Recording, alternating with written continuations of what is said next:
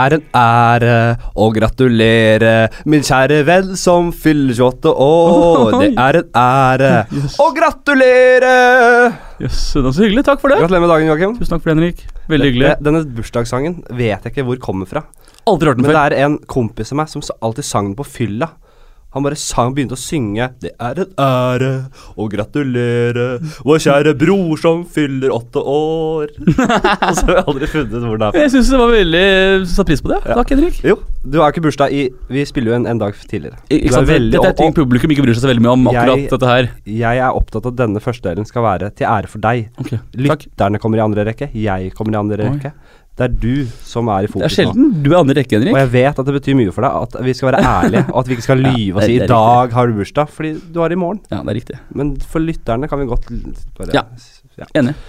Så sagt På halloween. Selveste. Føl, føl deg fri til å bare si 'dette gidder ikke jeg snakke om på bursdagen din'. Oh, ja. Hvis, hvis vi begynner å snakke om noe som du ikke som, Dette Ja. er din podkast. Okay. Det er din dag. ja. Det er di, alt dreier seg om deg. Jeg skjønner. Du har jo, Det er jo en feiring flere dager til ende. Du har allerede begynt med middag med familien og det hele. Ja. Fått deg noen bøker, fått deg litt av hvert. Mm, Spiller inn podkast dagen før. På dagen så slipper jeg podkast. Ja. Ja, det er Du er en podkastens mann. Det er jo midt i blinken for deg, selvfølgelig. Ja, det er det. Ja. Og læring, ikke minst. Læring, ikke sant. Det grobunnen for læring, det er det vi driver med i Jordsmonn. Hvis du kunne velge tema, et tema vi skal snakke om nå, hva ville det vært?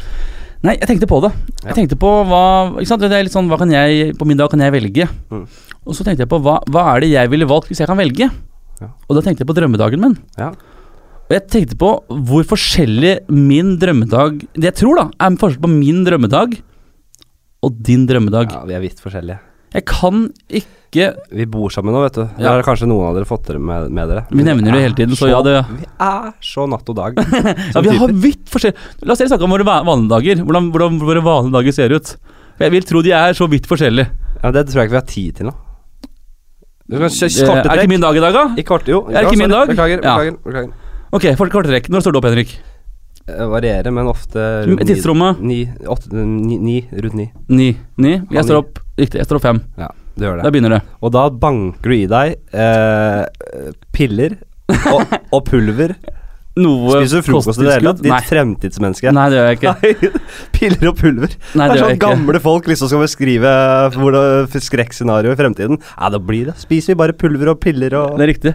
Sånn er det. Sånn er jeg. Det blir faktisk litt piller, og så blir det noe pulver og en kopp kaffe. Ja. Og så drar jeg hjemmefra rundt kvart på seks. Det er ikke et verdig liv. Nei, jeg er enig i det. Eh, For da, da trener man, og det er ikke verdig liv.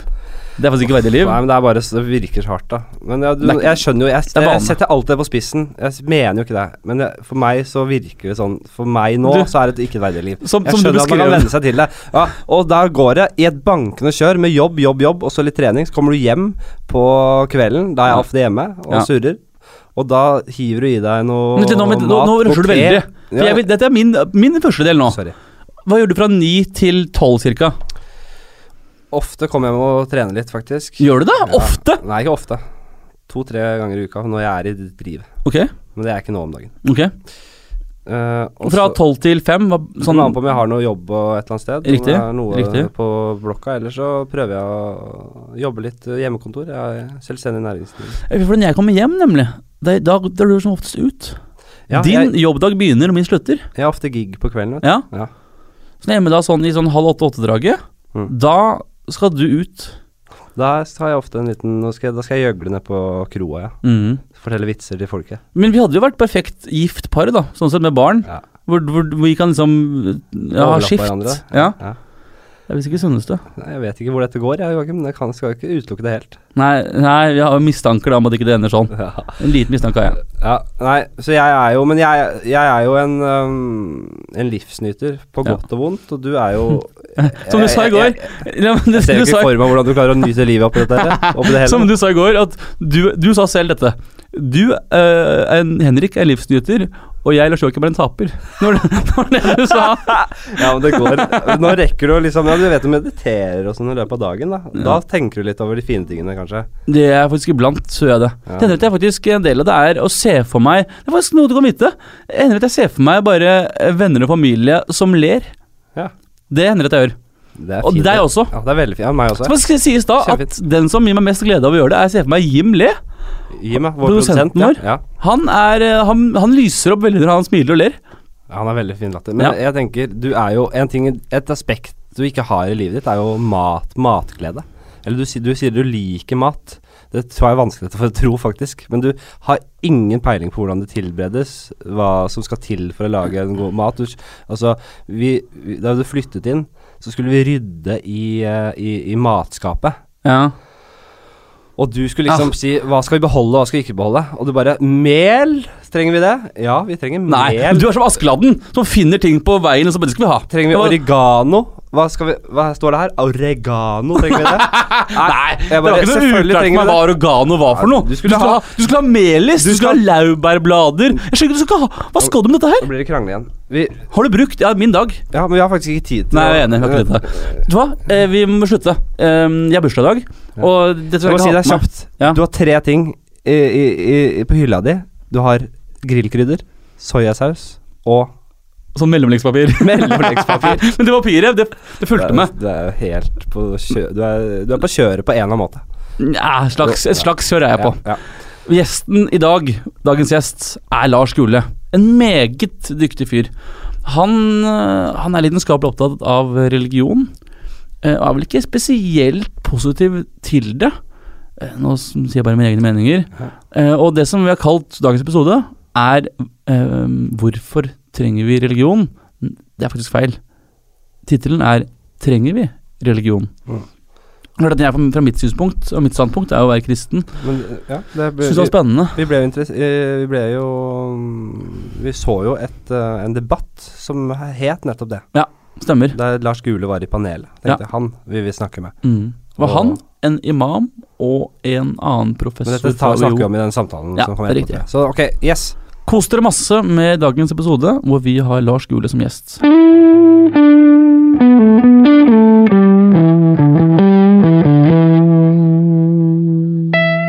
Joakim, Henrik, vi var jo på eh, i en debatt. Bare og så på en debatt for hvor lenge siden er det nå? det var i februar. I februar. Så en, eh, En stund siden. En stund siden. Og eh, spørsmålet som eh, Spørsmålet var Trenger vi religion?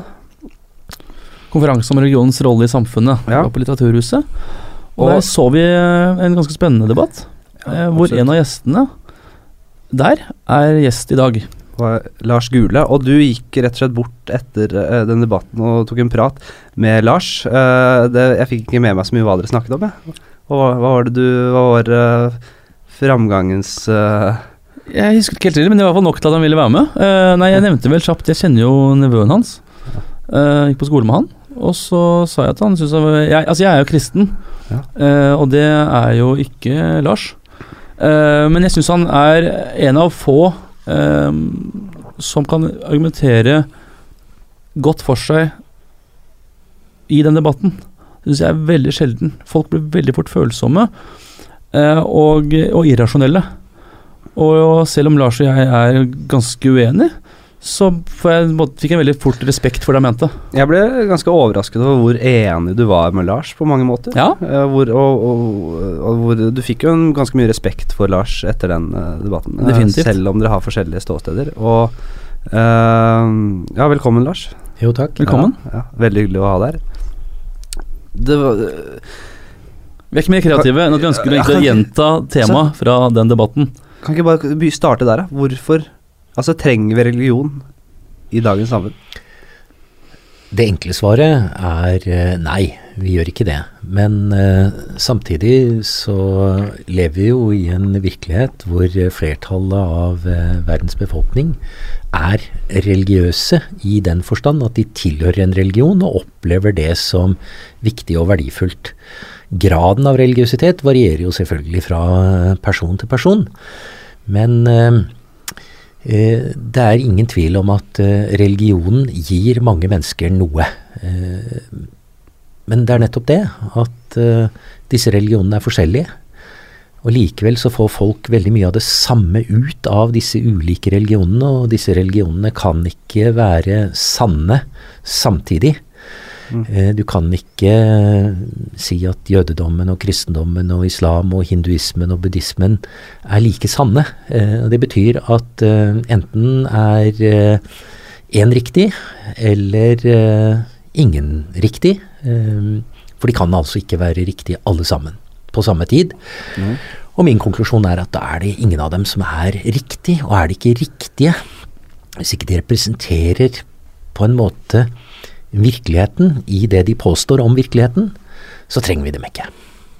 Nei, og så har du ikke altså Vi har jo en rekke andre gamle religioner. Øh, Nettopp. mytologier som Ja. eh, nå Nå er det bare kanskje et par stykker som, altså, rundt omkring i verden som tro, fortsatt tror på de. da Norrøn mytologi f.eks. Det, er jo- det er jo noen i Norge og, og rundt i verden som tror på det fortsatt, men den har jo på en måte blitt lagt på hylla. Så hvis man tar med alle disse gamle religionene også, så, Ikke sant? så er klart det er et veldig spennende, en veldig spennende Det er mange utdødde religioner, eh, ikke minst i Midtøsten, eh, som, jeg, eh, som er liksom mitt geografiske område når det gjelder å studere og forske. Så vet vi at det er eh, utrolig mange religioner som er forsvunnet. Rett og slett. De eh, har ikke tilhengere lenger. Så finnes det noen som har veldig gamle røtter, og som kanskje har noen hundre eller noen få tusen tilhengere fortsatt. Eh, og så kan man spørre seg hvor gamle er de, osv. Så, videre. så ser man hvordan de overlapper hverandre. Dette er jo også noe som gjør at man får et, et mer kritisk forhold til religion. Eh, det er altså ikke noe jeg ukritisk eh, omfavner. Men fordi religionen tilfredsstiller behov hos mennesker, så kan man jo også svare ja på spørsmålet trenger vi religion. Mm. Uh, uh, og jeg konstaterer da som empirisk faktum at ja, det er mange, mange, mange mennesker som trenger religion. Så er jeg eh, av den oppfatning at de da gjør eh, feilaktige valg. De burde ha valgt noe annet. De burde ha valgt en annen tilnærming til virkeligheten. Men for meg er det også viktig at eh, folk har rett til å gjøre sine valg når det gjelder livsanskuelse, når det gjelder eh, religiøs eh, tilknytning. Og derfor så er det for meg helt fundamentalt å forsvare livssynsfriheten, religionsfriheten. Å forsvare den betyr ikke da at jeg bare forsvarer min rett til å være ikke-troende eller, eller aktiv humanist. Det innebærer også en, eh, en eh, nødvendig forpliktelse på å forsvare andre menneskers rett til å ha en tro. Eh, Det betyr ikke at jeg er enig troens innhold, men eh, det betyr at eh, så lenge man ikke plager andre, så har man rett til å tro og praktisere hva man vil. mm. Um, Joakim? Ja, eh, jeg bare Kan vi bare kjapt på ta def ja. Nei, jo, nei. Kan vi ta på da definisjonen på humanist? Det er sikkert mange som lurer på. Ja, det er et godt spørsmål, fordi det er jo et veldig vidt begrep. Men Ja. i en, eh, i en eh, livssynssammenheng så er en humanist eh, en person som har en rasjonell virkelighetsoppfatning basert på vitenskap, som, har, som avviser ulike former for det overnaturlige. Troen på ånder og spøkelser og guddommer og den slags. Som har også et rasjonelt forhold til etikk. Altså Hvis man definerer livssyn uh, ut ifra uh, fire kriterier, så handler livssyn om uh, en uh, virkelighetsoppfatning. Det handler om en kosmogoni, altså hvordan virkeligheten har blitt til. Så handler det om en kunnskapsteori. Hvordan kan vi vite det vi vet? Og så handler det om en etikk. Eh, og sist, eh, men ikke minst, så handler det også om praksis. Og i religiøse eh, livssyn så er jo virkelighetsoppfatningen og kunnskapsteorien og for så vidt også opprinnelsesforestillingene, kosmogonien, det er knytta til guddommelig skapelse. Det er knytta til at det finnes gudegitt kunnskap, kunnskap som man kan få innsikt i ved spesielle anstrengelser eller gjennom åpenbaring. Det avviser humanister. Vi sier hvis vi skal vite noe om virkeligheten, så går vi til vitenskapen, da går vi til fysikk og astronomi. Når det gjelder å forstå virkeligheten, eh, så handler det om å forholde seg til rasjonell kunnskap. Da kan vi ikke si at ja, men jeg har fått en drøm, jeg har hatt en åpenbaring. Det er ikke rasjonell kunnskap. Når det gjelder etikk, så kan man heller ikke forlite seg på åpenbarte normer og regler. Da må man si at nei, eh, etikken det er noe vi må ha et kritisk, rasjonelt eh, forhold til.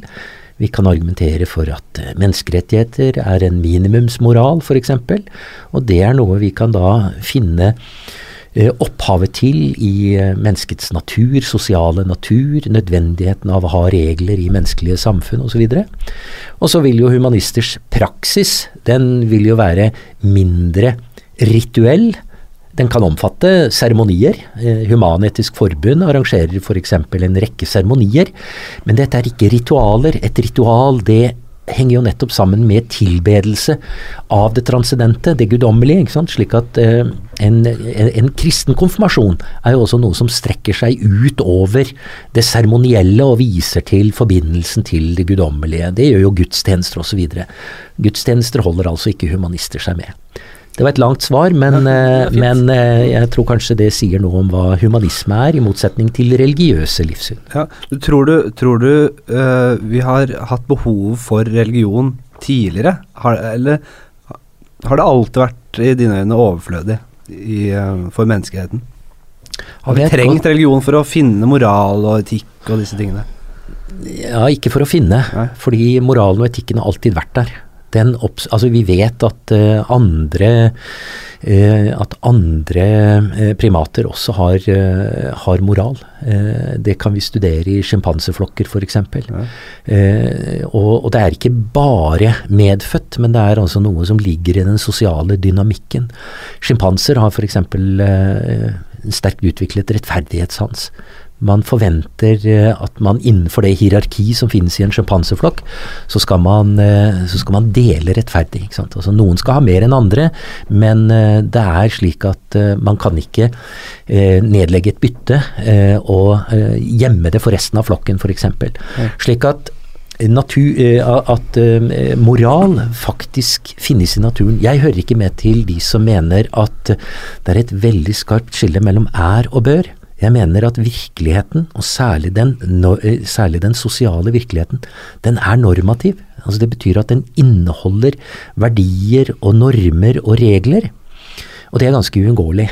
Eh, men for å forklare dette, for å forstå hvorfor vi har disse reglene, hvorfor skal vi gjøre sånn, hvorfor skal vi ikke slå i hjel osv., så, videre, så kan vi godt si at det i tidligere tider har vært et behov for eh, religiøse forestillinger for å forklare, for å legitimere, begrunne den typen regler. Du skal ikke slå i hjel, du skal ikke stjele osv. Du skal oppføre deg skikkelig overfor de andre i flokken, i familien, i slekt, i omgivelsene. Eh, men menneskets historie er en historie om kunnskapsutvikling, om at vi har lært stadig mer, at vi kan mer, Eh, og som noen sier, eh, vår generasjon står på skuldrene av giganter. På alle de, vi står på skuldrene av alle de generasjonene som har kommet før oss. Det gjelder når det gjelder kunnskap, det gjelder også innenfor moralens og etikkens område. Så utvikler vi oss. Og jeg vil jo si at den måten vi i dag Men det er sikkert ikke det endepunkt, men den måten vi i dag eh, forstår eh, menneskelig etikk og moral på, bl.a.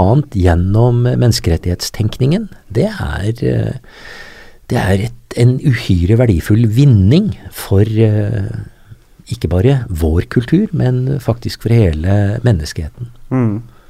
Du, sier at, ja. du, du, sier at du mener vi ikke trenger religion. Um, men Og du er også inne på det med at, uh, at religion trenger ikke Det er mange som er religiøse som ikke plager noen med det. Men mener at selv de som uh, Hvis du kunne velge um, at det fins Hvis du kunne velge, så i dag ville religion opphøre. Mener du at menneskeheten ville hatt det bedre?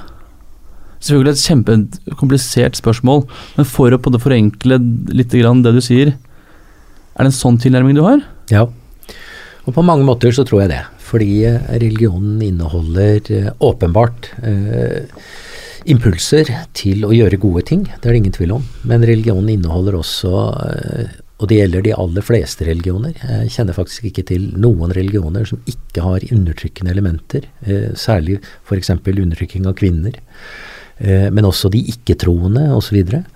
Eh, og så har du denne metafysiske siden av det som handler om eh, liv etter døden og eh, eh, straff eller belønning etter døden. Og det gjelder uansett om det er et helvete eller om det er nirvana. Eh, gjenfødelse i uendeligheter av sykler osv. Så, eh, så er det et eller annet her eh, som vil eh, plage mennesker eh, rent psykologisk. Og det er noe av grunnen til at jeg mener eh, verden eh, ville være bedre uten religion.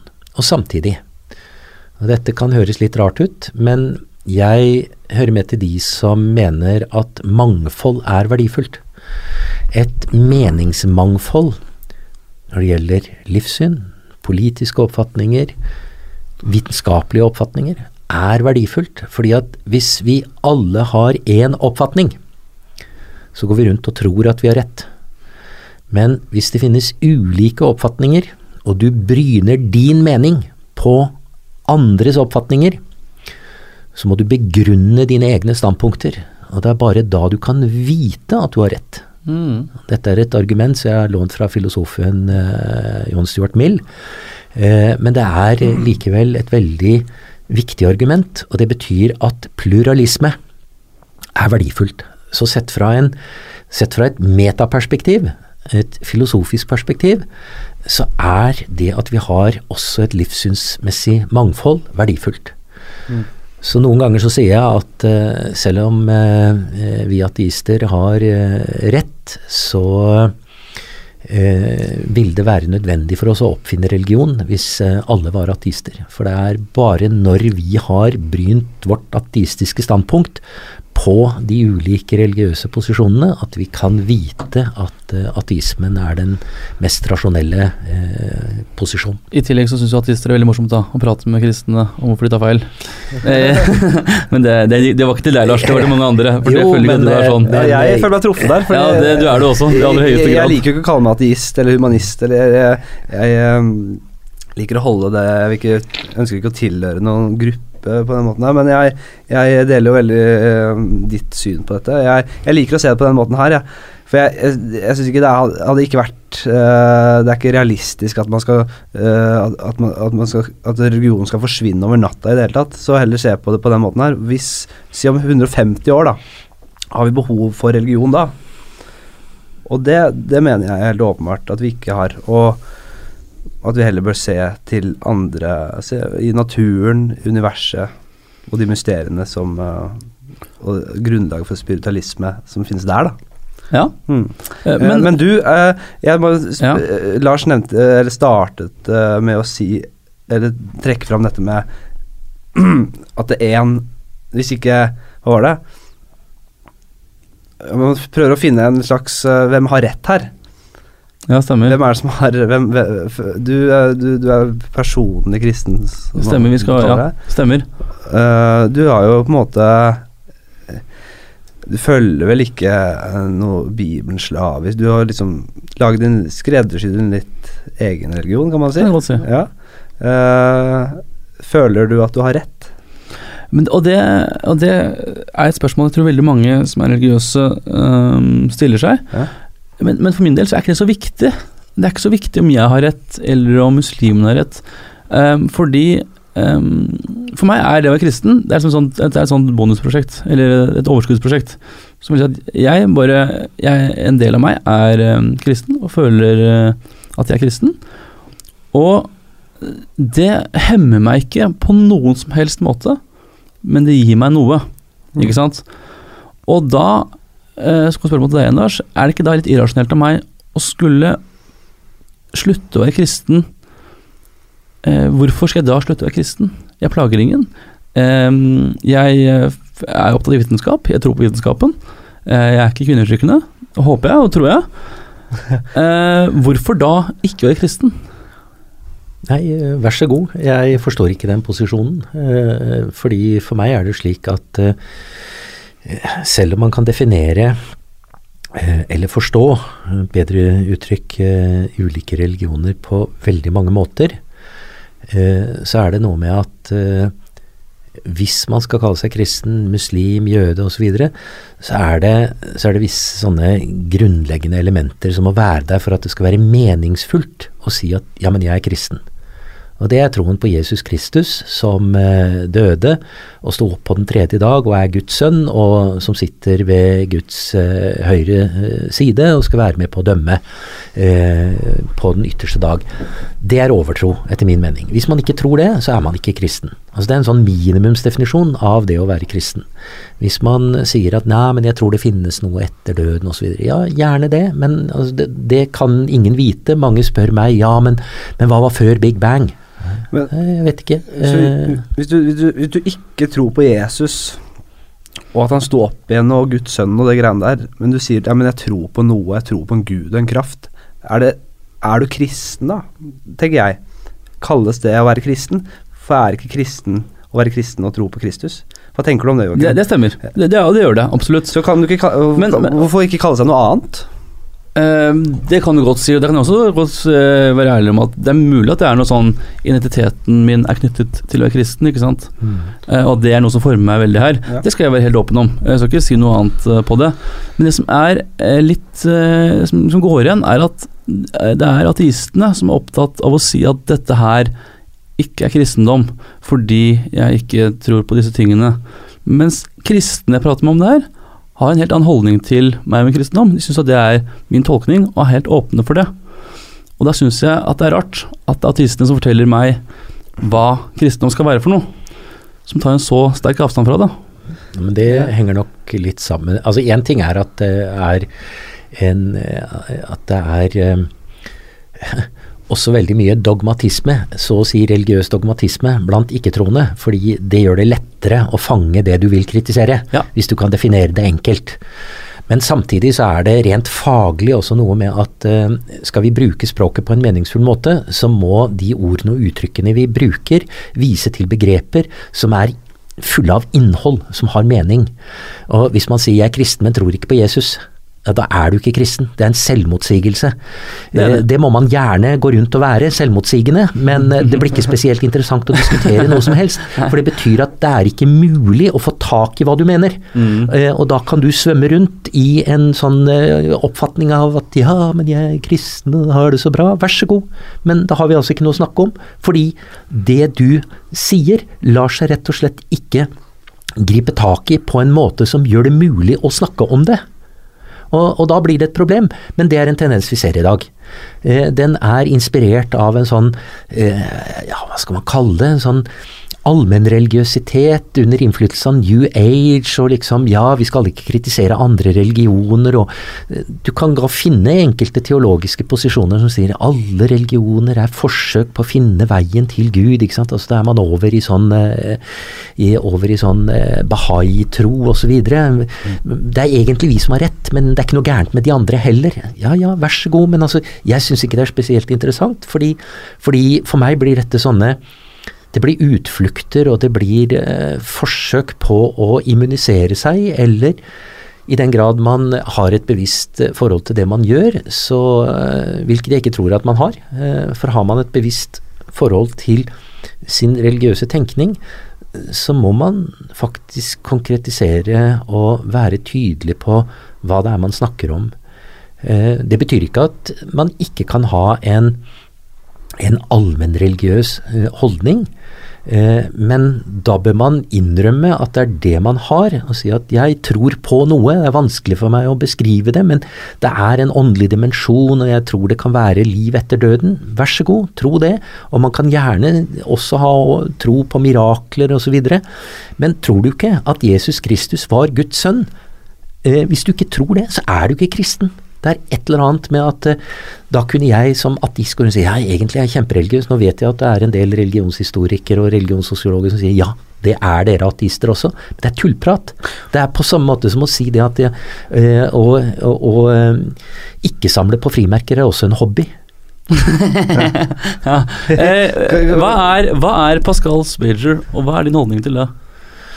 Den er, det, Enkelt sagt så handler det om at uh, du har ingenting å tape på å tro på Gud. Uh, hvis han uh, ikke finnes, så finnes det heller ikke noe liv etter døden. Men hvis Gud finnes, så finnes det noe etter døden, og hvis du da velger å tro, så har du en sjanse til å bli frelst. Og siden vi ikke kan komme med et endelig bevis her, så er det sikrest å tro at det finnes en Gud. Eh, og dette, har, dette, er en type veddemål som har vært diskutert eh, av teologer og filosofer opp gjennom tidene, og ulike holdninger til dette, selvfølgelig. Eh, jeg har ikke noe spesielt, eh, noen spesiell eh, holdning til eh, Pascal og hans veddemål. for meg er det rett og slett slik at det er ikke rasjonelt å tro på de ulike religiøse forestillingene som finnes der ute. Heller ikke den sånn generelle, vage allmennreligiøsiteten om at det finnes en eller annen dimensjon. Altså, man må gjerne si Man må gjerne si at ja, men vi vet jo ikke hva som var før Big Bang. Eh, og så er det da noen som bruker det som et argument for islam, for jødedom, for kristendom. Ja, men unnskyld meg, det er jo bare tøys. Fordi hvis jeg erkjenner at ja, men det er et veldig interessant spørsmål, og det har opplagt også metafysiske dimensjoner. Men det er ikke den guden. Om det da skulle være et skapende prinsipp som lå bak Big Bang, så er det opplagt ikke den personlige guden som opptrer i de tre monoteistiske religionene, for det er en personlig gud. Og det er noe annet enn et skapende prinsipp før Big Bang. Mener du da at det er en person, når du sier personlig ja, Gud? Ja, det er jo det som står i Bibel og ligger i alle kommentarer osv.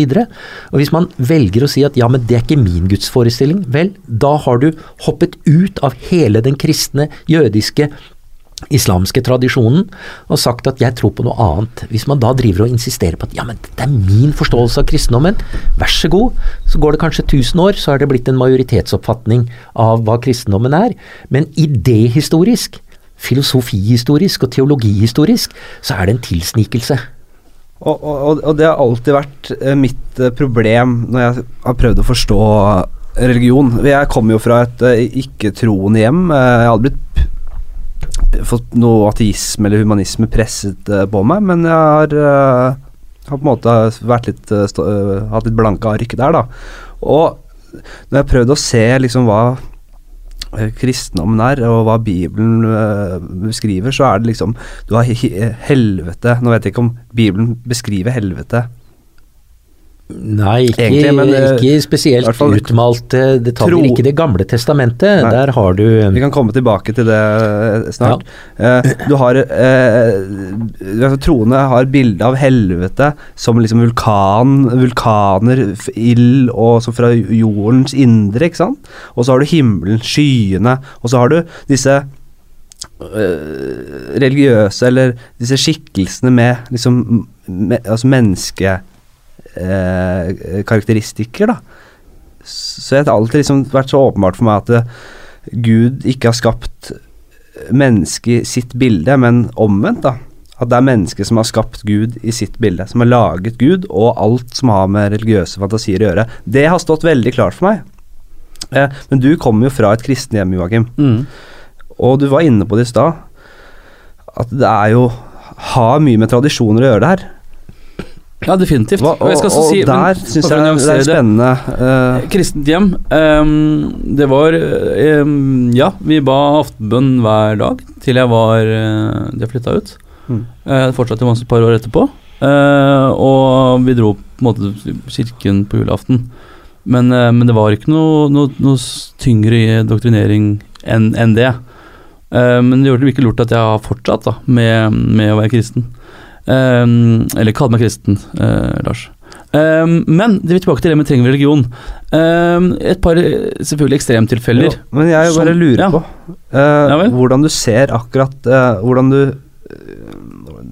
hvordan du ser på det samme det som jeg ser Det som jeg snakker om her nå, med liksom de åpenbare menneskeskapte skildringene ja. av denne Lars snakker om Big Bang, ikke sant? Ja 13 milliarder år siden. Det er så stort. Og så har det dukket opp en, eh, en, en forestilling noen, for noen tusen år tilbake om eh, Jesus, og, altså Guds sønn og himmel og helvete.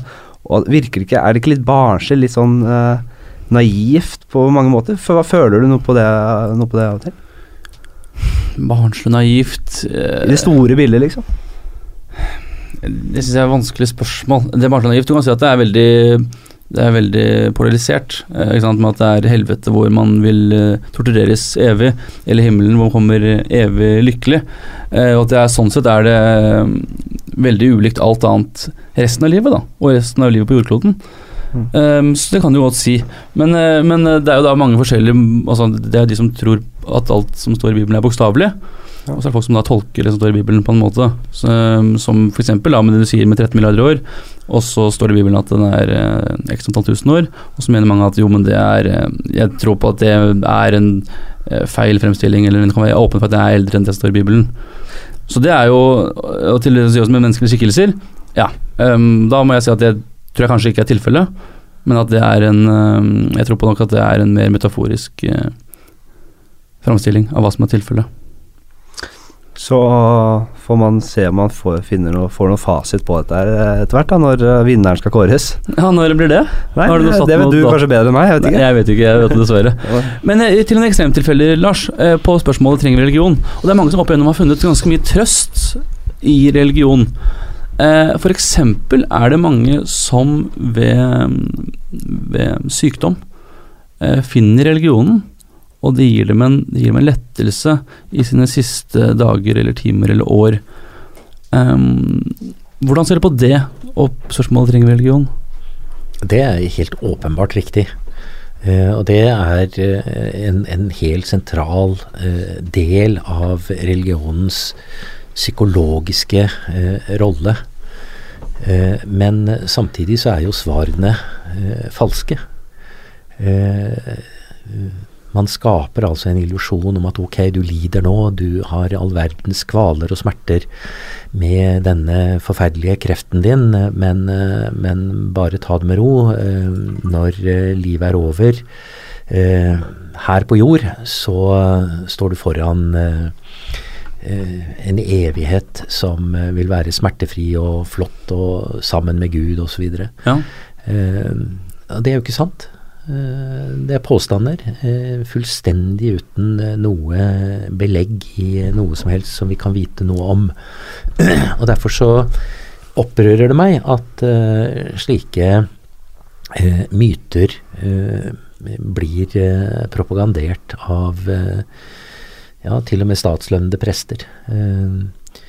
Det er noe med å ta inn over seg eh, erkjennelsen av eh, virkeligheten. Jeg ser at det er tøft. Det er eh, opplagt noe med de eksistensielle utfordringene her som er veldig vanskelig, og dette er noe mange har slitt med, også troende, og på mange måter så er det, det er et paradoks at mange av de som tror på et liv etter døden, er de som frykter døden mest. Ikke de som ikke tror. Fordi vi som ikke tror, vi vet at det er slutt, ferdig, det er ned. Mens de som tror, og som har hatt et bevisst forhold til sin Gud hele livet, de vet at livet har, slik de forstår sin religion, to utganger. Og er du protestantisk kristen, lutheraner, så hjelper det ikke en døyt hva det er du har gjort, fordi det er opp til Guds nåde. Med andre ord, det ligger fullstendig i Guds hender hvor du havner. Hvis ikke det er skremmende, så vet ikke jeg. Jeg hadde Nettopp. vært livredd, jeg. Det, og det er da også veldig mange uhyre snille mennesker som ligger på dødsleiet og frykter hvor de kommer til å uh, ende opp. Uh, og jeg syns det er skammelig. Og så er den andre siden av det at for noen gir det trøst. Jaha, jo, men da kan jeg være trygg. Men la meg bare ta ett eksempel her på, på hvordan dette her ikke henger i hop. Mhm. Kristen teologi sier, med bakgrunn i den jødiske forståelsen av livet og døden, at når du dør, så dør du. Du ligger i din grav, du råtner i din grav, inntil dommens dag. Da skal Gud gjenoppvekke alle døde, og de skal stå foran Guds trone, og de skal dømmes til den ene eller den andre utgangen på dette livet. Hva er det vi hører av prester i begravelser osv.? Ja, men nå har mormor kommet til himmelen, og hun sitter der og ser ned på oss. Dette er folketro. Stikk i strid med trosbekjennelsen i Den norske kirke. Ja. Og likevel så er prester villige til å spre denne løgnaktige framstillingen av sitt eget trosgrunnlag. Jeg syns det er helt merkelig. Men det må være lov til at religion utvikler seg, Lars? Ja, men dette har jo ikke noe med utvikling å gjøre. Hvorfor ikke? Det er løgn. Ja, men hadde det vært hatt med utvikling å gjøre, så hadde man sagt Augustana, lutherske trosbekjennelsen, alt dette som står her, det er bare å gå inn på Den norske kirkes hjemmesider, så finner du trosbekjennelsen, så finner du det dogmatiske grunnlaget for Den norske kirke, og der står det. Utvikling. Snakker vi om utvikling, som sier dette kirkemøtet har nå gått gjennom, vi legger hele den greia til side. Vi tror at når du dør, så svever du rundt og har det bra til dommedag. Det er en ganske dramatisk endring. Å fortrenge og forfalske er jo ikke utvikling. Det, det, det, det kan man jo ikke si. Så Nei, det er intellektuelt uredelig, og det er intellektuell uredelighet som kanskje opprører meg aller mest oppi dette. Og når du, kommer, når du snakker om dette med at eh, man ligger på dødsleiet og frykt og er livredd for hva som skal skje, selv om man har vært god hele sitt liv, det er, mener jeg det er forkastelig. Men det Og jeg- jeg syns- jeg syns faktisk det fine-. Ja, men jeg syns det, fine, jeg synes det fine med religion, det kan være at det, eh, den dagen man skal dø, den, og i det øyeblikket man, uh, man dør, så er det kanskje den siste tanken, den siste illusjonen, som er gjeldende, da. Kanskje det er det som er uh, etterlivet. At, det er, at den siste tanken og drømmen du har her på jorda, at det tar du med deg inn i evigheten på en eller annen måte. Selv om du glemmer det med en gang øynene eller maskinen er slukket, da. Men det er noe, det er sånn, tenk, sånn ser jeg litt på det òg. At jeg tror mest sannsynlig at, man, at det blir svart når man dør, at det ikke skjer noen verdens ting. Men jeg kan likevel ikke helt sikkert vite at det, sluk, at det er helt svart. Det kan hende det skjer et eller annet. Og da sier jeg sånn at jeg lever livet mitt og koser meg og gjør hva jeg vil. Og mulig skjer det noe etter livet, etter døden, og da tar jeg det som en eventuell bonus. Så det er noe fint med det. Men det at man sitter At man ligger der og har levd øh, og har gjort alt etter boka, og så skal man være livredd for et helvete, det er jo eh, Det er tortur. Det er selvfølgelig synd, uh, og det er synd at det skjer. Men det, men det er jo på en måte én del av saken. Det er også mange som da har fått enorm ro over seg Ja. pga. religion, og det er også mange ikke-religiøse som ligger med enorm angst på dødsleiet. Ja. Ikke sant? Så, så det kan jo trekkes i begge retninger. Ja visst kan det det. Og det, er, men, og det er derfor det heller ikke kan brukes som argument for at religion er sann. Eh, Nei, det er enig men det er- om det er et sterkere- Ikke sant? det er et- Spørsmålet om det. Jo, altså det er et sterkere argument for at religionen er usann enn at religionen er sann. Men det er ikke nødvendigvis et avgjørende argument. Det er helt riktig at rent psykologisk så har også religionen gitt eh, eh, hva skal vi si, trøst eh, til, til mange mennesker. Ikke bare på dødsleiet, men i vanskelige situasjoner. ikke sant? Så det, det er ingen tvil om det. Så religionen kan fylle viktige psykologiske eh, behov. Eh, For meg er det eh, derimot viktigere å se på dette, og jeg er i en situasjon hvor jeg kan gjøre det, fordi jeg er ikke i denne vanskelige situasjonen. Jeg ligger ikke på dødsleiet, i hvert fall ikke riktig ennå. Eh, Jeg er heller ikke i en spesielt betrengt situasjon som gjør at eh, liksom, jeg trenger trøst og halmstrå å klamre meg til. Da kan jeg ha en distansert, kritisk holdning til dette. Eh, Og da er det eneste intellektuelt redelige å nettopp vurdere hele dette eh, religionsbildet på en kritisk måte, og da må man veie opp religionens positive og negative eh, sider når man skal vurdere om vi trenger religion. Og for meg er regnskapet slik at det er større ulemper med religion og da løfter jeg blikket, og så ser jeg ut over verden i dag. Jeg ser på konflikter mellom mennesker innenfor religioner, hvor du har noen som tolker det sånn og sier at andre skal oppføre seg sånn. Du skal bruke hijab fordi religionen krever det. Du skal ikke ha sex før ekteskapet fordi religionen krever det, i kristendom osv. osv. Eh, og så har du konflikten mellom ulike religioner. Både innenfor og mellom religionene så har du til dels blodige konflikter. Det har vi sett gjennom hele historien, og vi ser det faktisk eh, den dag i dag. Dette gjør at eh, religionen er mer farlig enn positive når man summerer det hele. Kan jeg bare legge til eh, at det i stor grad stagnerer fre vitenskapelig fremgang. Sånn som eh, Trump som nå kutter eh, kutter i eh, forskning, forskning i budsjettet. Men hva mener du? Nei, men at det er At religion ofte er en bremsekloss når det kommer til vitenskapelig fremgang. Det er jo også, en, synes jeg, et viktig punkt her da, å trekke frem. Det er enig, og det kan det også gjøre, men i tillegg så er det også mange kjente, store forskere opp igjennom som har vært kristne. Eh, For eksempel kristne, da, og også sikkert også mange andre religioner. Jo, jo, jeg bare syns det er et viktig punkt til det Lars sa nå. Men ja. Ja, jeg tror mener at det kan supplere til forskning og vitenskap. Jeg Jo, det ikke- kan det, men, eh, men eh, jeg har egentlig vanskelig for å se hvordan det er religionen som har stimulert f.eks. naturvitenskapelig forskning. Idehistorisk så vet vi at eh, eh, de vitenskapelige revolusjonene i en europeisk sammenheng, eh, siden renessansen og eh, framover, eh, der handlet det om, for Galileo Galilei for Isaac Newton, så handlet det om å lese eh, Guds bok, naturen som Guds bok. Slik at de lette etter, og de hadde da en rasjonell tilnærming til skaperverket. De mente at de kunne finne sporene etter Gud i naturen Som Guds bok. Så slik sett så er det riktig. Der var det opplagt en form for uh, samstemmighet eller stimulans i deres religiøse posisjon og den, uh, den vitenskapelige aktiviteten de drev. Men Galileo og Galilei, uten at vi skal eh, overmytologisere hans biografi, så er det jo ingen som helst tvil om at nettopp fordi det fantes en religiøs institusjon som mente seg å vite hvordan man riktig skulle forstå Guds bok og Guds åpenbaring osv., så, videre, så sa man nei, det får du ikke lov til å mene. Vil si, du kan mene det, men du skal i hvert fall ikke propagandere det, og gjør du det, så setter vi deg i husarrest osv. Og, så videre, og Bruno eh, eh, Giordani som ble brent, eh, Kopernikus som visste at han kom til å utfordre eh, de etablerte sannheter, og ventet med å publisere eh, sitt eh, eh, heliosentriske verdensbilde. Den kopernikanske revolusjonen blir altså rett og slett forsinket pga. Eh, den katolske kirkes eh, dogmatiske forestillinger.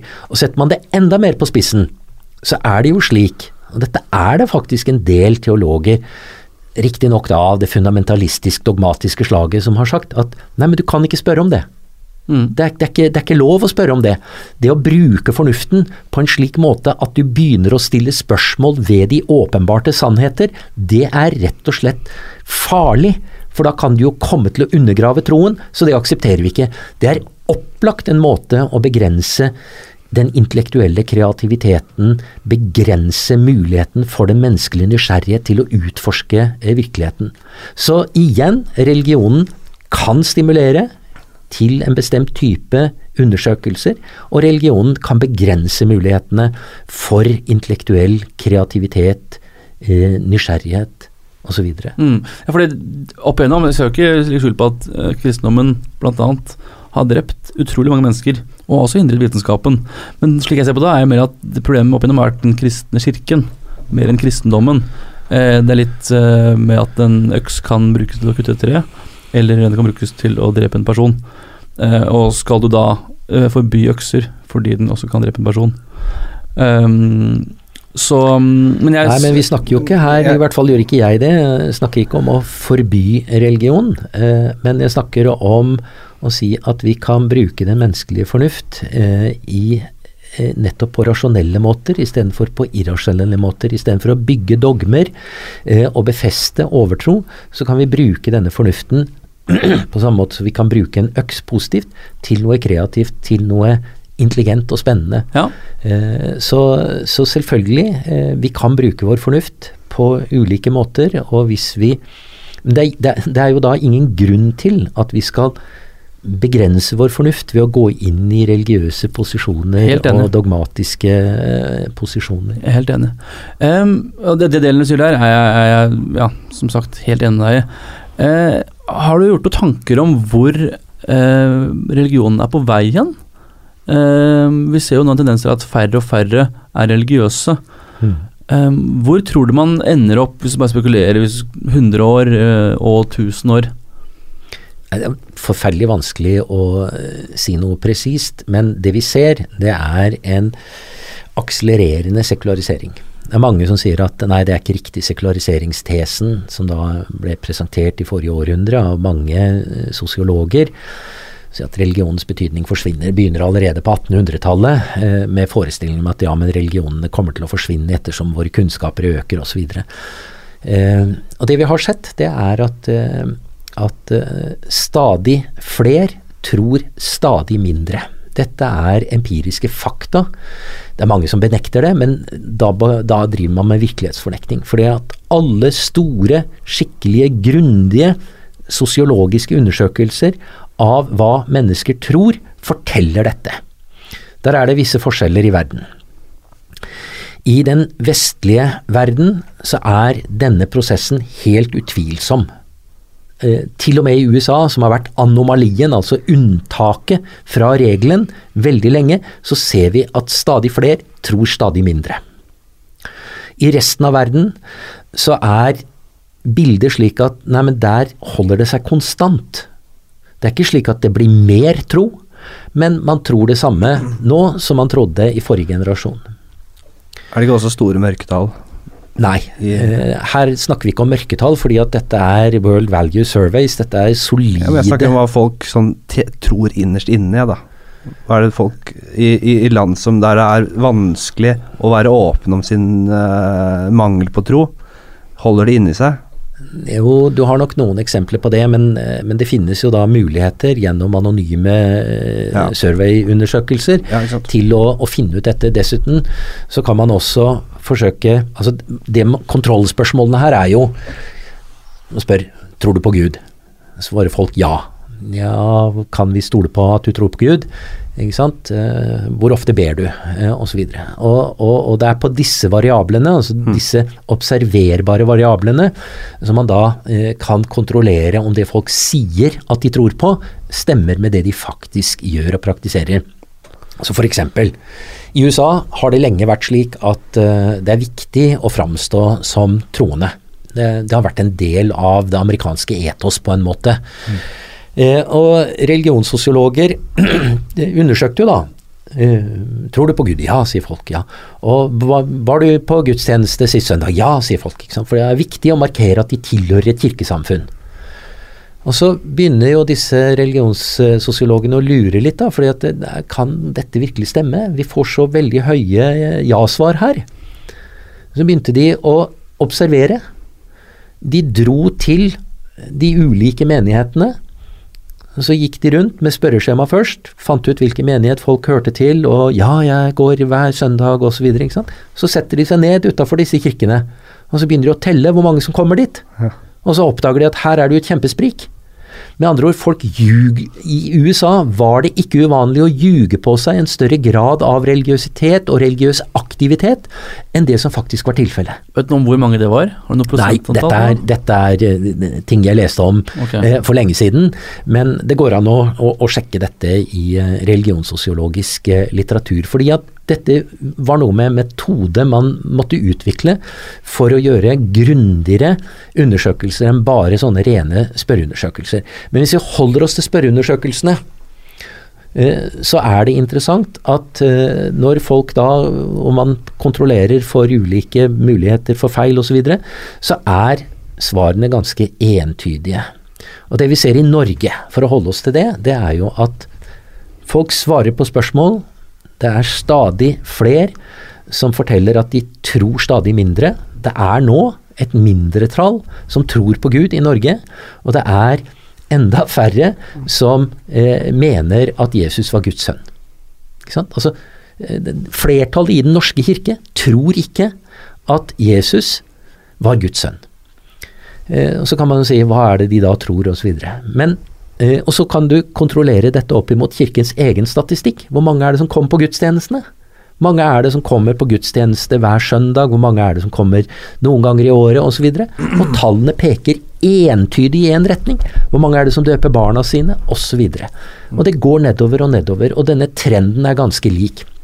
Dette er sekularisering av den private troen, av individenes holdning til religiøsitet.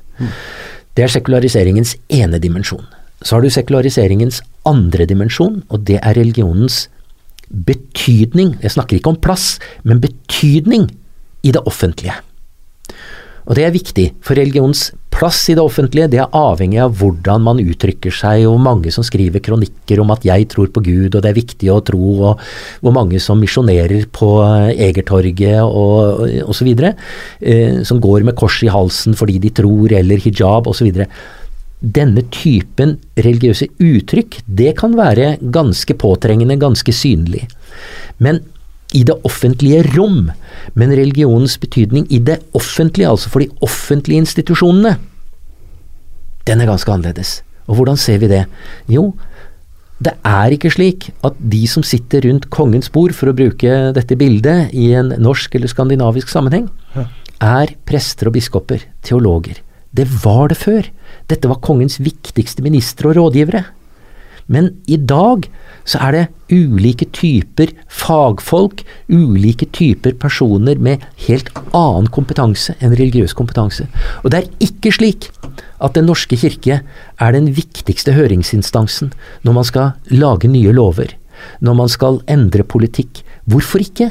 Fordi det er så opplagt at det skjer så mye innenfor statens rammer og da inkluderer jeg både fylkeskommune og kommune, at det vil være totalt meningsløst å skulle lytte til hva prester og biskoper sier om dette. Man spør ikke en prest eller biskopene om hva de mener om Bergensbanen. Hva de mener om oljeutvinning, ja det kan de ha meninger om, men du spør ingeniører, du spør fagfolk.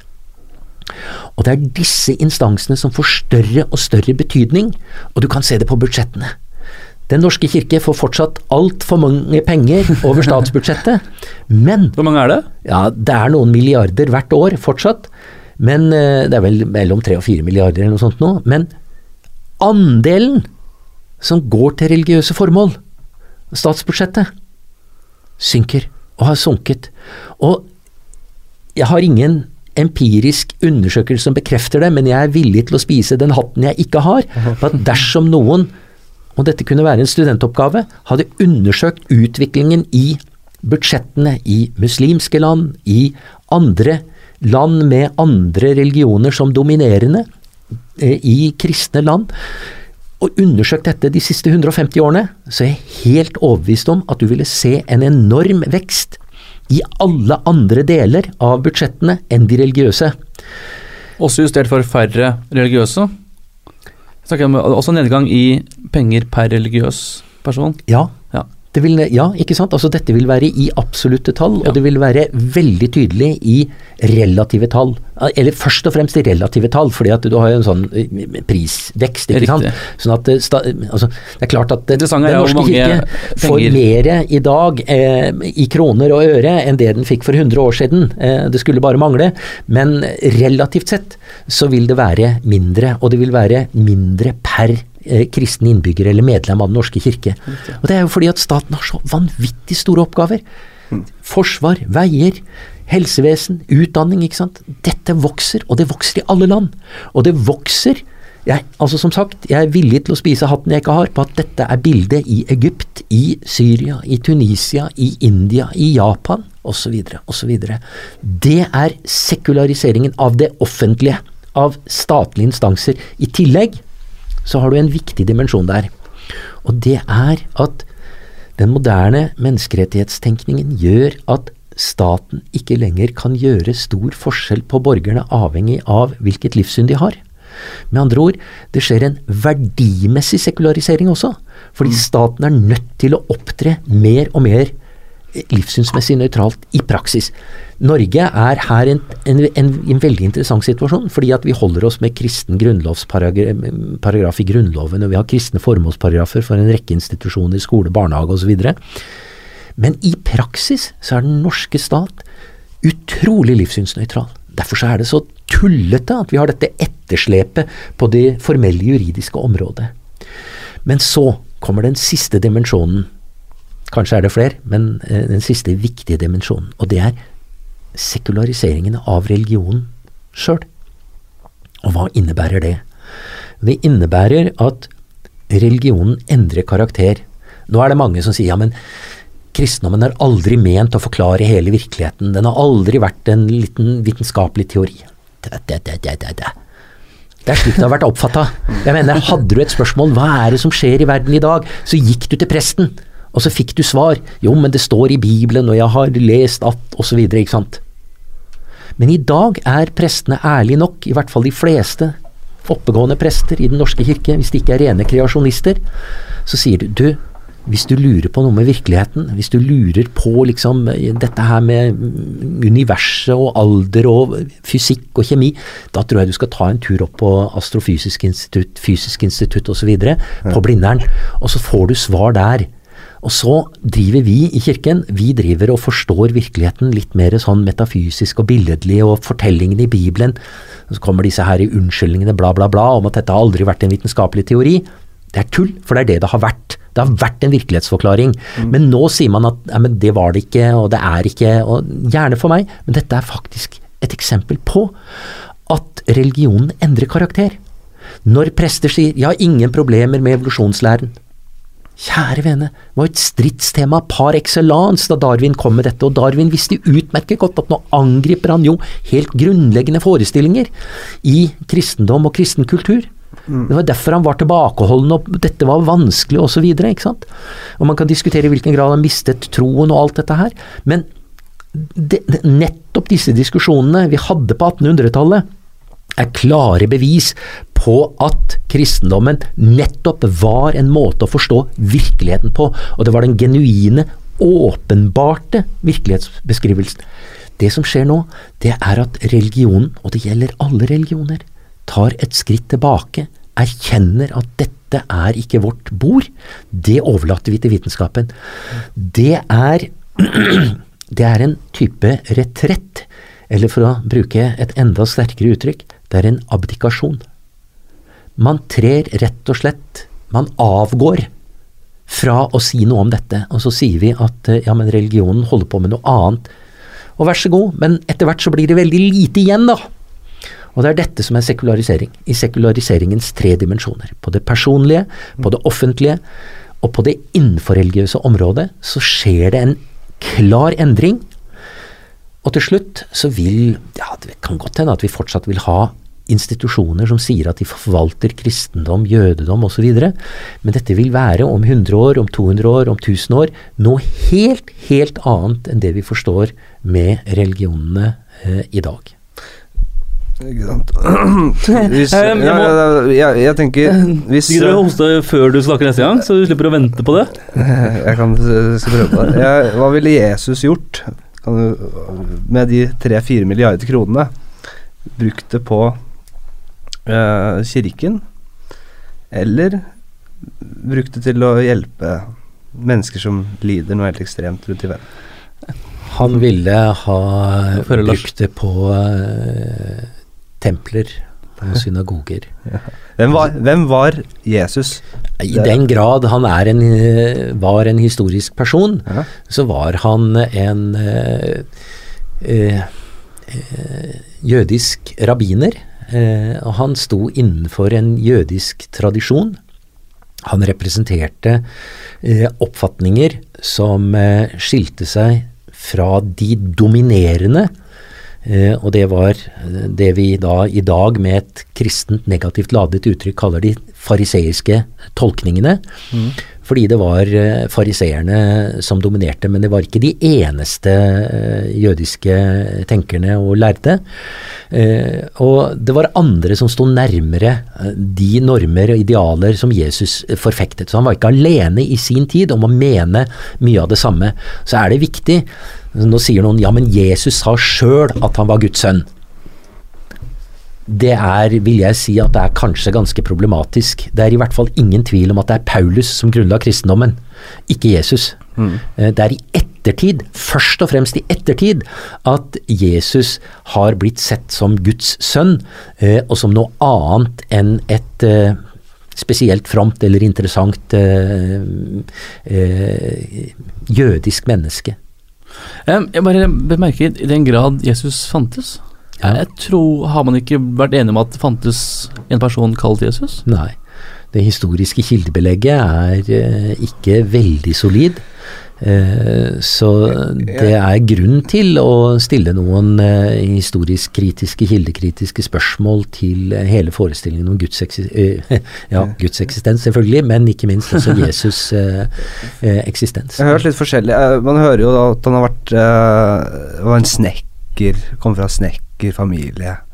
At, at Josef var uh, snekker, og, og, og, og, det bare noe jeg har hørt. Ja, det er mer sannsynlig at uh, dette, går, altså, dette forteller noe om ja tekst og teksttolkninger og hvilket uh, språk er det man skal legge til grunn osv. Altså, det er mer sannsynlig at han var, uh, at han var murer enn snekker, for å si det sånn. mm. Hvis man holder seg til teksttolkninger uh, osv. Så sånn at så, så, hva han var i utgangspunktet, eller hva hans Ja, var det faren? hvis han var unnfanget ved hjelp av Den hellige ånd, så var jo ikke Josef faren.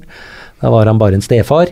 Eh, men han voksna opp i denne familien, eh, og, og, og, angivelig så er det mer sannsynlig at Josef var, eh, var steinhogger og, og, murer, for å kalle det det, enn en snekker. Uten at det spiller så veldig stor rolle. Men en ting må du være enig i, Lars. Det er fascinerende hvordan denne uh, mystiske historien om Jesus har uh, lagt grunnlaget for det som dominerer i så stor grad, og så man har litt dominert verden ja, siden. Det er utrolig interessant, utrolig fascinerende. Ja. Det er ingen som helst tvil om det. Og, eh, og, og, det er også veldig spennende å se på den historiske utviklingen, altså hvordan de første altså de så, Hvis vi legger til grunn at uh, de bibelske beretningene eventuelt supplert av noen andre kilder. og Det er jo også slik at det er ikke alle de såkalte testamentene, alle skriftene som er inkludert i, eh, i, i eh, Det nye testamentet. Det blir gjort et utvalg, det er redigert eh, kirkelig. Thomas-evangeliet er ikke med, osv. osv. Men samler man alle disse kildene, så får vi et bilde av de såkalt første kristne, altså Jesu disipler, mm. som opplevde seg som jøder. Eh, som mente at, og det er aktuelt akkurat i våre dager, med omskjæring av gutter, at det var viktig. Ja, det er en praksis som vi skal fortsette, og vi skal holde de vanlige jødiske eh, diettforskriftene osv. Men så kommer altså Paulus, eh, den, den, romerske jøden, eh, og eh, endrer hele dette. ikke? Altså, han er jo den som forfølger, eh, forfølger de kristne, eh, og så omvendes han. og han transformerer denne Eh, forestillingen om Jesus eh, og gjør han til i realiteten da grunnlegger av et uh, nytt trossamfunn. Og, og, det er en ganske radikal endring fra det de første kristne, eh, som fortsatt var eh, jøder, faktisk trodde. Og det er paradoks å kalle dem kristne jøder, men det var det de var. Altså De var Jesus-tilhengere, men de så på Jesus som opplagt noe spesielt, men uten at det førte til et brudd med deres jødiske identitet. Det er det Paulus som utvirker. Og Paulus omvender ikke ikke-jøder til, eh, til, kristendommen. Var det noen på, som på et tidspunkt sa at vi, vi skal ikke skjære av forhuden på barna våre, sånn som eh, de gamle mente vi skulle gjøre? Ja, det er, det er Paulus, det er Paulus som, fast, som, fastslår det. At ja. det, er, det, er, ikke nødvendig. Ja. Det symbolet der, det tilhørte den forgangne tid. Nå er det De uomskårne kan også bli Jesus følgere.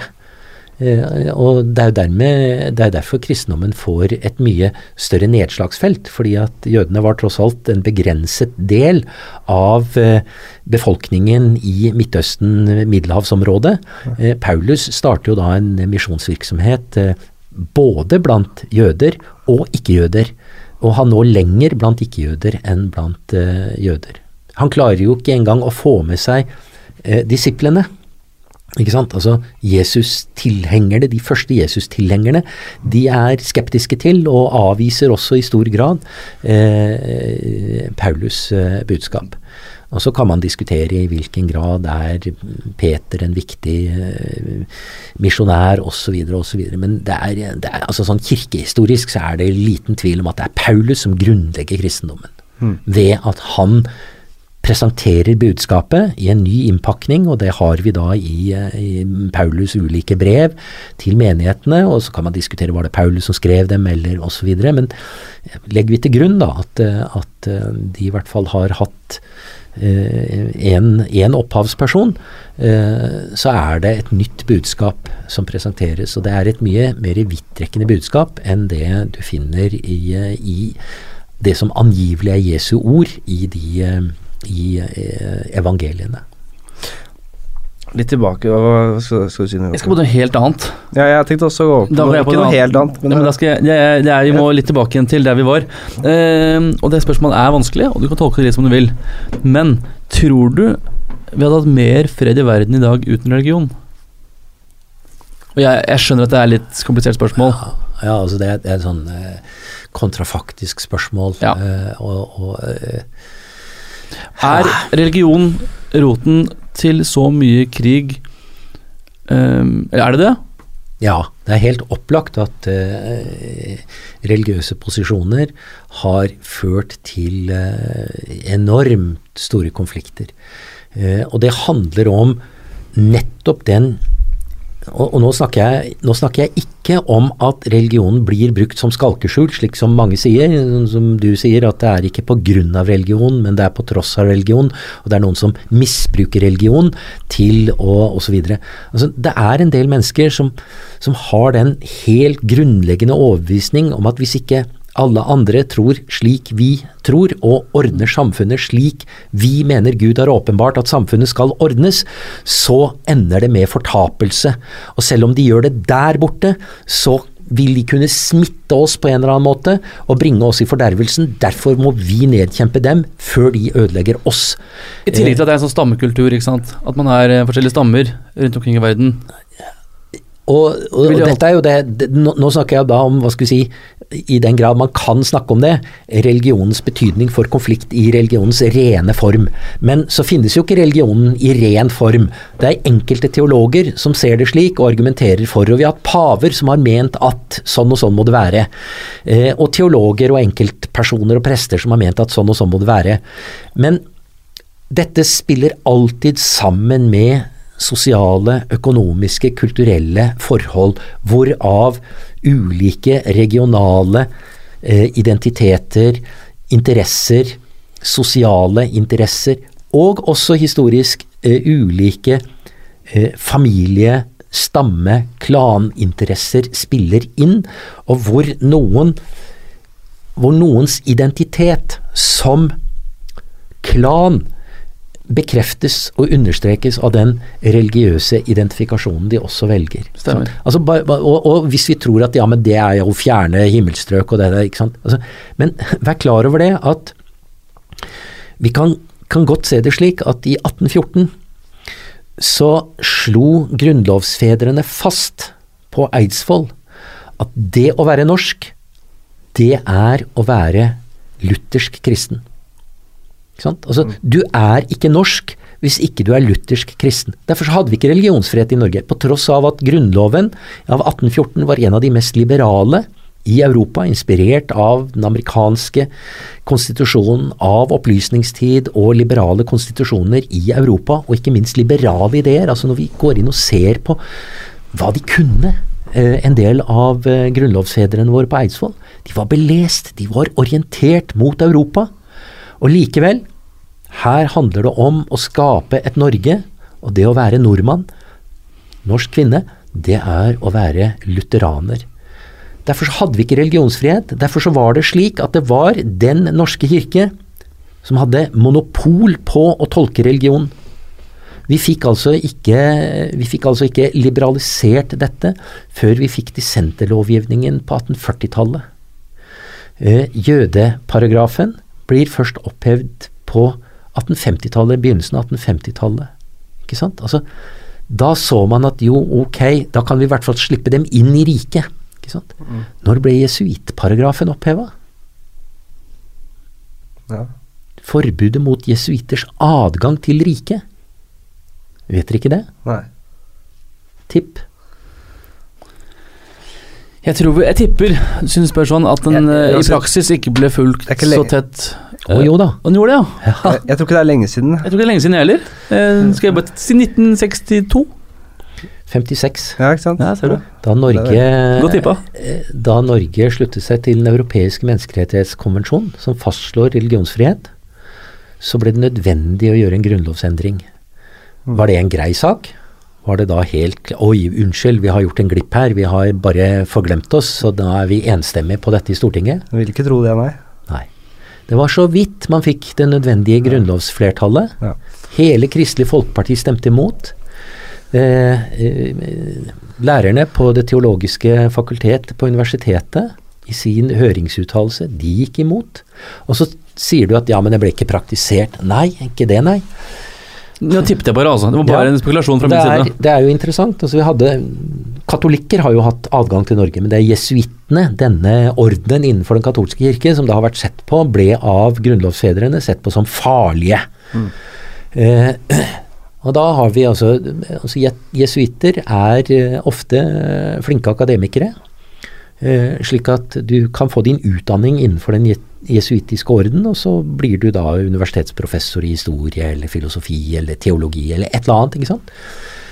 Eh, og da hadde Den katolske kirke tenkt å utfordre akkurat denne situasjonen, nettopp i forbindelse med diskusjonen omkring eh, menneskerettighetene og Den europeiske menneskerettighetskonvensjon.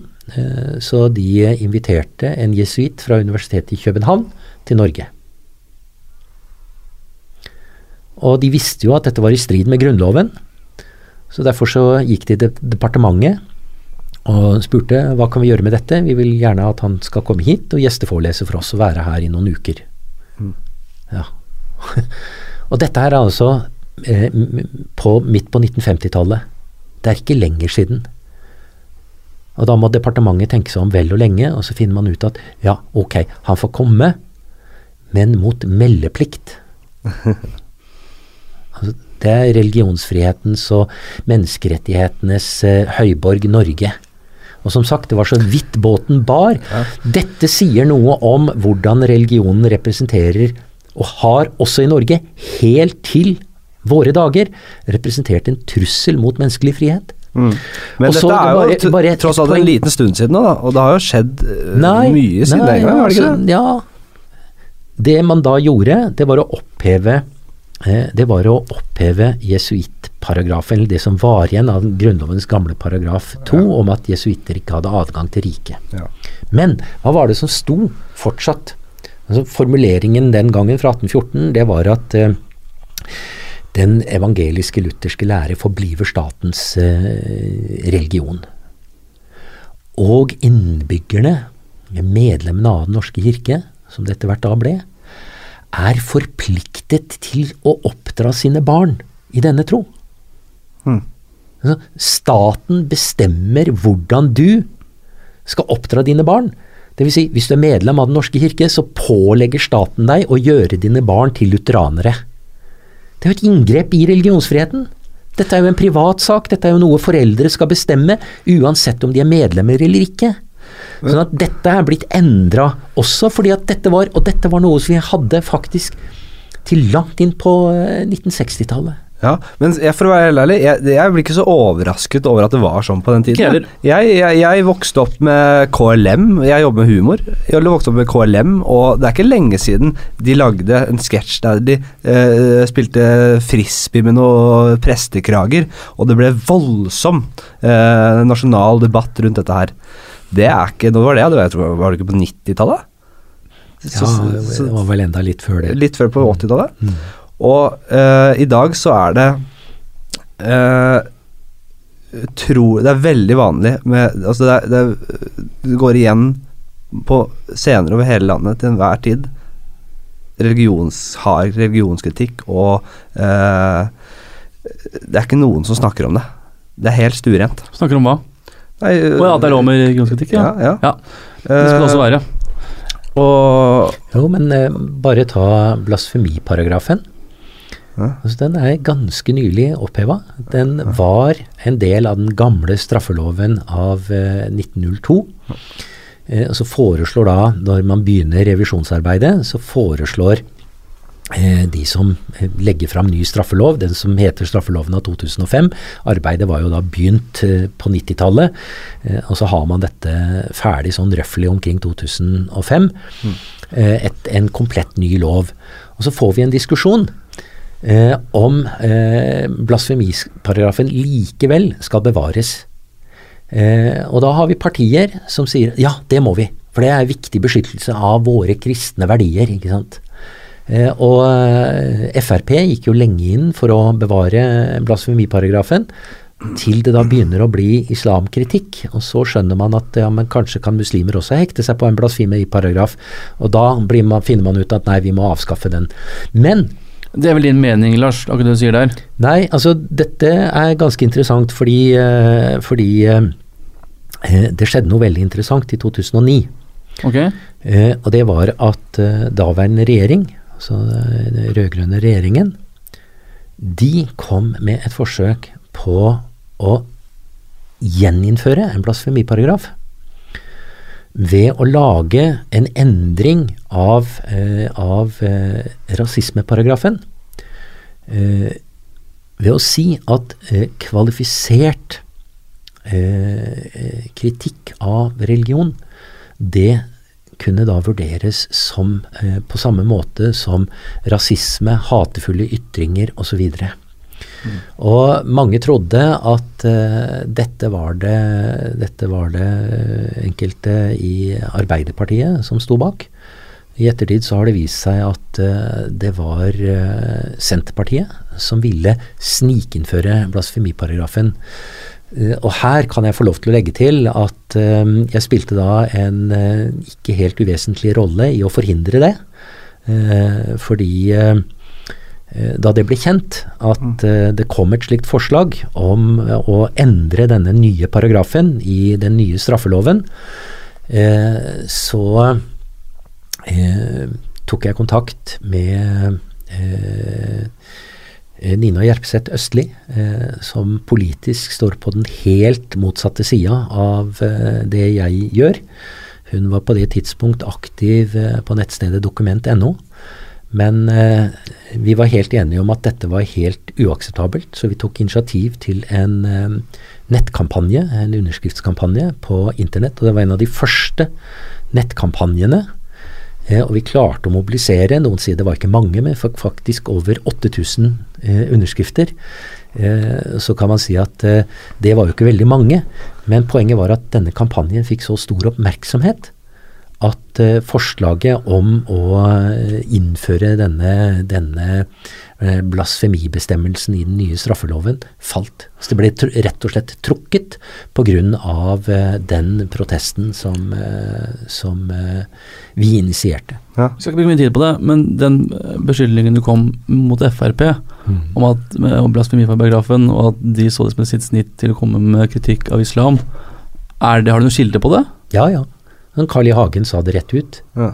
At dette er det viktig å beholde. Og så eh, fikk du karikaturstriden i, eh, i, så i etterkant av karikaturstriden i 2005-2006 eh, så endret Frp holdning, og Carl I. Hagen eh, sa det vel også, og, og andre i Frp sa det at nei, da, det, vi er, det er klart vi må kunne drive blasfemi.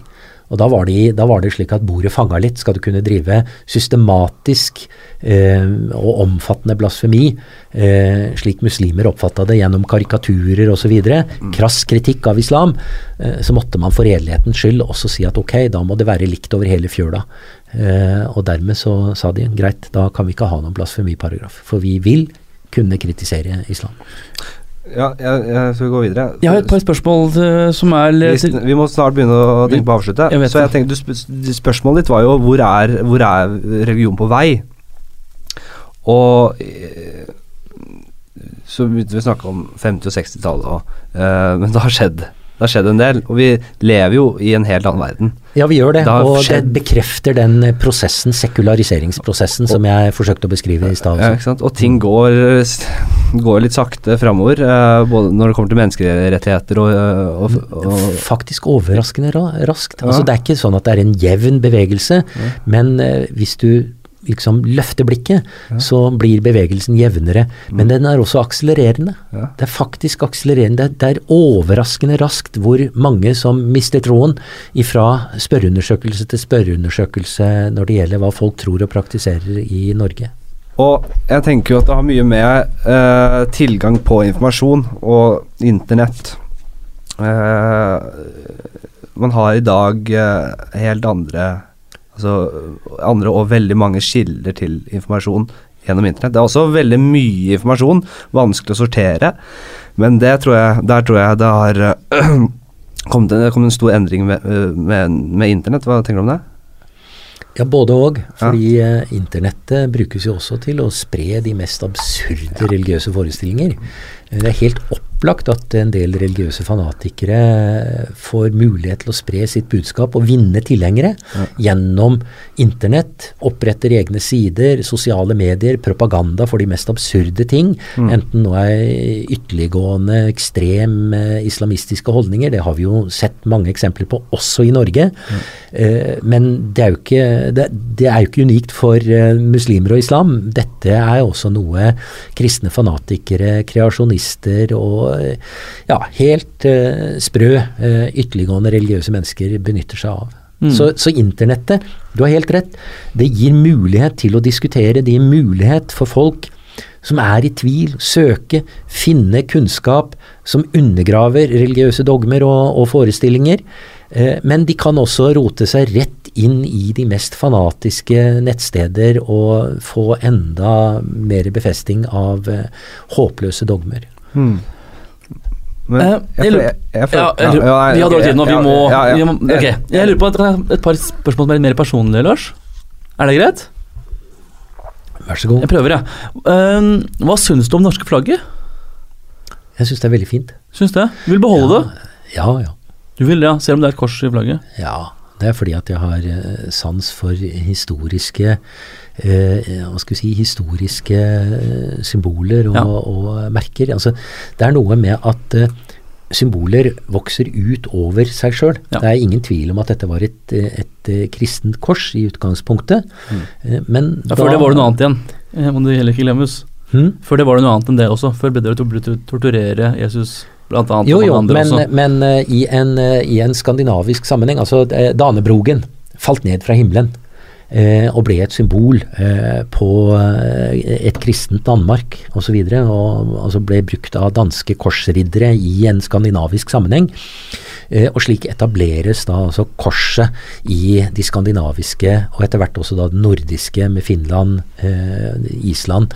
Ikke sant? Eh, men det norske flagget er da en interessant videreutvikling av dette, fordi at fargene henspiller på både den franske trikoloren og den amerikanske Stars and Stripes.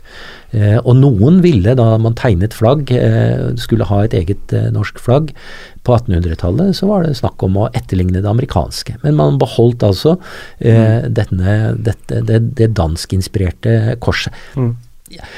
Dette har jeg faktisk uttalt meg om for mange mange år siden, da jeg ble spurt om hvordan jeg ville endre det norske samfunnet, og noen liksom Ja, er du enig med Arnulf Øverland? Stryk korset av flagget, heis rent og rødt. Så jeg, ja, jeg hadde et sånn, en sånn plakat på veggen en gang, i ungdommen, men jeg har sans for historiske symboler som har vokst utover sitt, sin opprinnelse, og representerer i dag eh, Norge, og ikke bare et kristent Norge.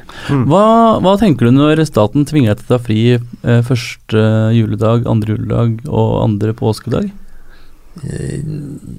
Det er også helt greit med, med ulike former for fridager. Jeg vil jo, så Vi snakker fortsatt om Så fri liker du, Lars?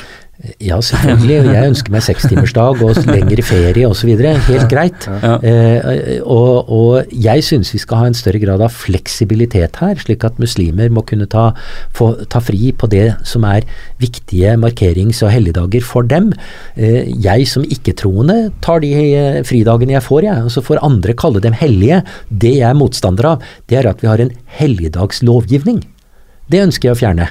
Ikke fridagene, men at noen kaller noen dager for hellige, eh, og at det er en del av norsk lovgivning. Det syns jeg er absurd og meningsløst. Er du litt provosert på julaften?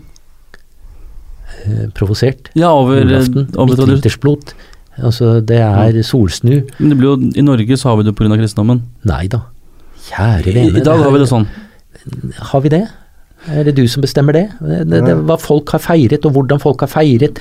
Eh, Hva betyr juletreet? Finner du det i Bibelen? Eh, Ne, altså julenek, julegrøt, julenisse. Finner ikke noe av dette i kristendommen. Jula er en synkretistisk mangfoldighet av utrolig mye rart opp gjennom europeisk eh, historie. Med en del kristne elementer, mange førkristne elementer, en del folketroelementer osv. Folk kan legge akkurat hva de vil i, inn i jula. Jeg tar fri, syns det er veldig kjekt med noen fridager på årets eh, mørkeste tid, sammen med familie. Har juletre eh, og deler ut pakker. Syns det er helt greit. Og skal man være virkelig nøye her, så går dette tilbake til en romersk Saturnalia-fest før kristendommen, hvor man også delte ut pakker, gaver osv.